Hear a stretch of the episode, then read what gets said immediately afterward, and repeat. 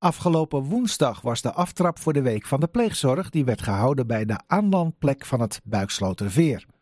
En voor de bezoekers waren er allerlei oliebollen, er was gitaarmuziek en ook wethouder Moorman was present. En wij maakten daar het volgende verslag.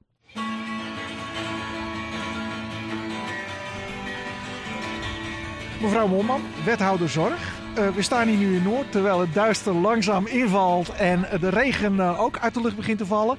Uh, waarom Noord voor deze gelegenheid? Nou, kijk, er liggen hier 75 deurmatten. Je zou denken met dit weer en met deze regen dat het is zodat iedereen zijn voeten een beetje kan vegen voordat ze de pont opgaan. Ja. Nee, maar het is omdat wij hier een campagne starten. En dat betekent dat er ook heel veel mensen aangesproken kunnen worden van zou je misschien pleegouder willen worden? Want we hebben een groot tekort aan pleegouders, helaas. Uh, er zijn... ook een uh, grote orde aangegeven? Ja, op dit moment zijn we op zoek naar 150 pleeggezinnen. Uh, er zijn 50 kinderen die echt nodig op zoek zijn naar een pleeggezin. Je moet ook wat meer pleeggezinnen hebben om altijd een goede match te kunnen maken. Het hoeft overigens niet alleen maar fulltime te zijn. Dat kan soms ook alleen maar weekendpleegzorg zijn. Soms zelfs maar een weekend in de, in de maand. Om even de ouders wat te verlichten waar het eh, af en toe wat moeilijk is. Maar soms weten mensen ook niet hoe dat dan werkt. Hè? Dus, ja. misschien denken ze ook, goh, het kost wel erg veel tijd. Hè? Je hebt tegenwoordig twee banen nodig om de boel een beetje draaiend te houden in een gezin. Ik red het maar net, uh, dat erbij uh, durft niet. Nou, precies. Dus dan, uh, dan, is het misschien wel een idee om het gewoon uh, één keer in de maand in een weekend te doen. Want dat kan ook. En ook daar zijn we naar op zoek.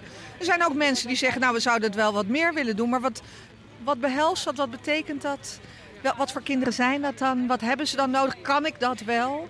En dan is het heel belangrijk om dat gesprek met elkaar te voeren. Er is hele goede ondersteuning van pleegouders. Dat, dat word je niet zomaar. Dus u heeft hoop voor de toekomst als wethouder zorg? Hoop heb ik altijd. Hoop is het laatste wat verloren gaat. En heeft u ook een realistische verwachting dat dat tekort van 150 kan gaan worden ingelopen? Ja, ik denk dat het echt mogelijk is. Hè? Dus ik denk dat het tekort eigenlijk vooral ligt aan het feit dat heel veel mensen daarmee onbekend zijn. Of misschien wat huiverig zijn. Maar als ze het gesprek voeren, ook met bijvoorbeeld de fantastische pleegouders die hier naast mij staan. Hi, hallo. En het is inderdaad interessant om misschien zo ook met de verhalen te horen. Want dan hoor je ook nou ja, wat fantastische dingen ze doen. Maar ook dat je er ook wat van terugkrijgt. Hè? En dat iemand als Mel, die hier ook staat, zelf pleegkind. Hoi. Nou ja, als je iemand als Mel ziet, dan denk je, ja, die wil ik ook wel uh, een goede toekomst geven. Hè? Dus ik ben er altijd van overtuigd dat er ontzettend veel mensen zijn die willen dat het niet alleen maar goed gaat met zichzelf en met hun eigen kinderen, maar ook met anderen. Dag, we hadden u al even gesproken, geloof ik, hè? Uh, ik had net hallo gezegd inderdaad. Ja, dat, dat noem ik een gesprek. Ja, nee, u, bent, uh, u bent pleegouders. De wethouder was heel erg enthousiast over u. Uh, wat heeft u ertoe gebracht om te kiezen om pleegouder te worden? Nou, we hebben zelf twee kinderen en wij dachten van nou, we kunnen ook misschien wat voor, de, voor Amsterdam betekenen. Want er zijn zoveel kinderen die geen huis hebben. Dus toen hebben we eigenlijk een, ja, een cursus gedaan om eigenlijk nog twee kinderen op te nemen. Dus we hebben twee eigen kinderen en twee pleegkinderen. En, hoe gaat het?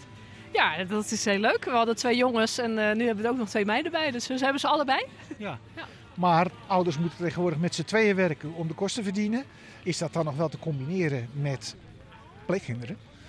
Ja, kijk, uiteindelijk is het natuurlijk net als met je eigen kinderen. Er gaat misschien iets meer zorg in zitten. Maar uh, ja, met goede afspraken samen en uh, ja, gewoon een goede planning kom je daar altijd wel uit. smoke and a whole lot of Hi, ging je lekker? Ja, zeker. Altijd leuk. En uh, wie ben je? Uh, ik ben Klaus Kokan, muzikant en oud pleegzorgkind. Nou, dan kun je precies vertellen hoe het geweest is. Wat vind je van die periode? Ehm, nou, het is een beetje jammer, vind ik. Want eh, het was een hele slechte match. Ehm, waardoor het wel... Ja, het, het liep anders dan verwacht, laat ik het zo zeggen.